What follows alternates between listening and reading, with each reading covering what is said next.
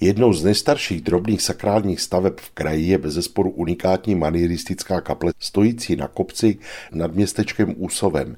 Je zasvěcená svatému Rochu a její kořeny sahají až do doby 30. leté války, kdy se podobné stavby spíše bořily než stavěly. Svatý Roch je světec pocházející z jižní Francie a již od středověku byl uctíván jako ochránce nemocných a zejména patron chránící proti moru. Založení kaple má na svědomí kněžna Anna z Boskovic. Anna Anna a její sestra Kateřina byly dcerami Jana Šembery z Boskovic, posledního mužského potomka tohoto slavného rodu.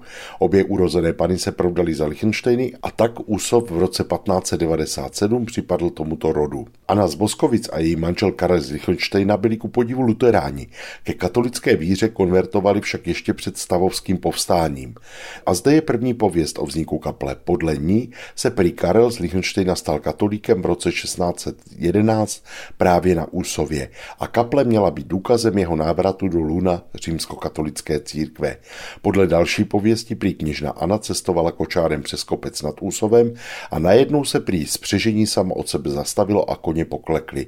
Kněžna v tom viděla boží pokyn a protože místo bylo pro stavbu vhodné, dala zde vybudovat kapli. Ať je pravdivá ta či ona legenda, nebo dokonce obě, je pravdou, že kapli nechala postavit právě Anna z Lichtensteina a to zřejmě roku 1624 a místo vybrala opravdu skvěle. Kaple stojí na protáhlém hřbetu jihovýchodně od Úsova v nadmořské výšce přibližně 300 metrů. Stavba je orientována podle tehdejších zvyklostí oltářem k východu. Má obdelníkový půdorys zakončený na východní straně obloukem s prolomeným vstupem do sakristie. Ta je zaklenutá kopulovitou klembou, zatímco samotná kaple má klembu valenou. Stavba byla vybudována v již zmíněném manieristickém slohu a patří tak unikátním v širším okolí.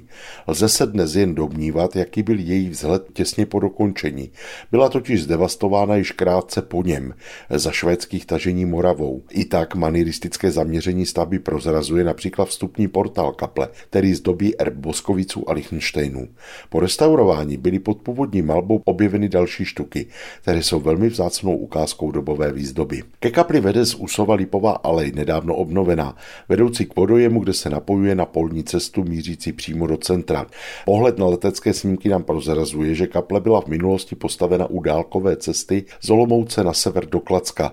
Ta vycházela z Králové a podél kaple vedla přímo na Úsovské náměstí. Přesto, že byla tato kaplička v minulosti často vyloupena, dochovala se část zdejšího ceného inventáře. Byť ne vždy jej najdeme přímo v kapli.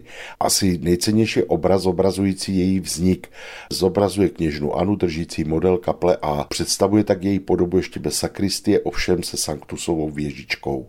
Patří k nejstarším dochovaným malířským dílům ze Severní Moravy a kromě kaple zde najdeme zobrazení původní podoby Úsovského zámku, ještě jako renesanční tvrze, některé obce v údolí Moravy či pozoruhodné vyobrazení poutní kaple svaté Barbory, postavené rovněž na přelomu 16. a 17. století na kopci východně od Úsova. Ta už dnes ale bohužel nestojí. Kaple svatého Rocha je dodnes proslulá svou poutí, která probíhá pravidelně v srpnu, ale stojí za návštěvu i mimo toto období. Je odsud krásný výhled a posezení zde s pohledem do údolí Moravy je jako stvořené k zamýšlení. A to nejen k tomu nábožnému.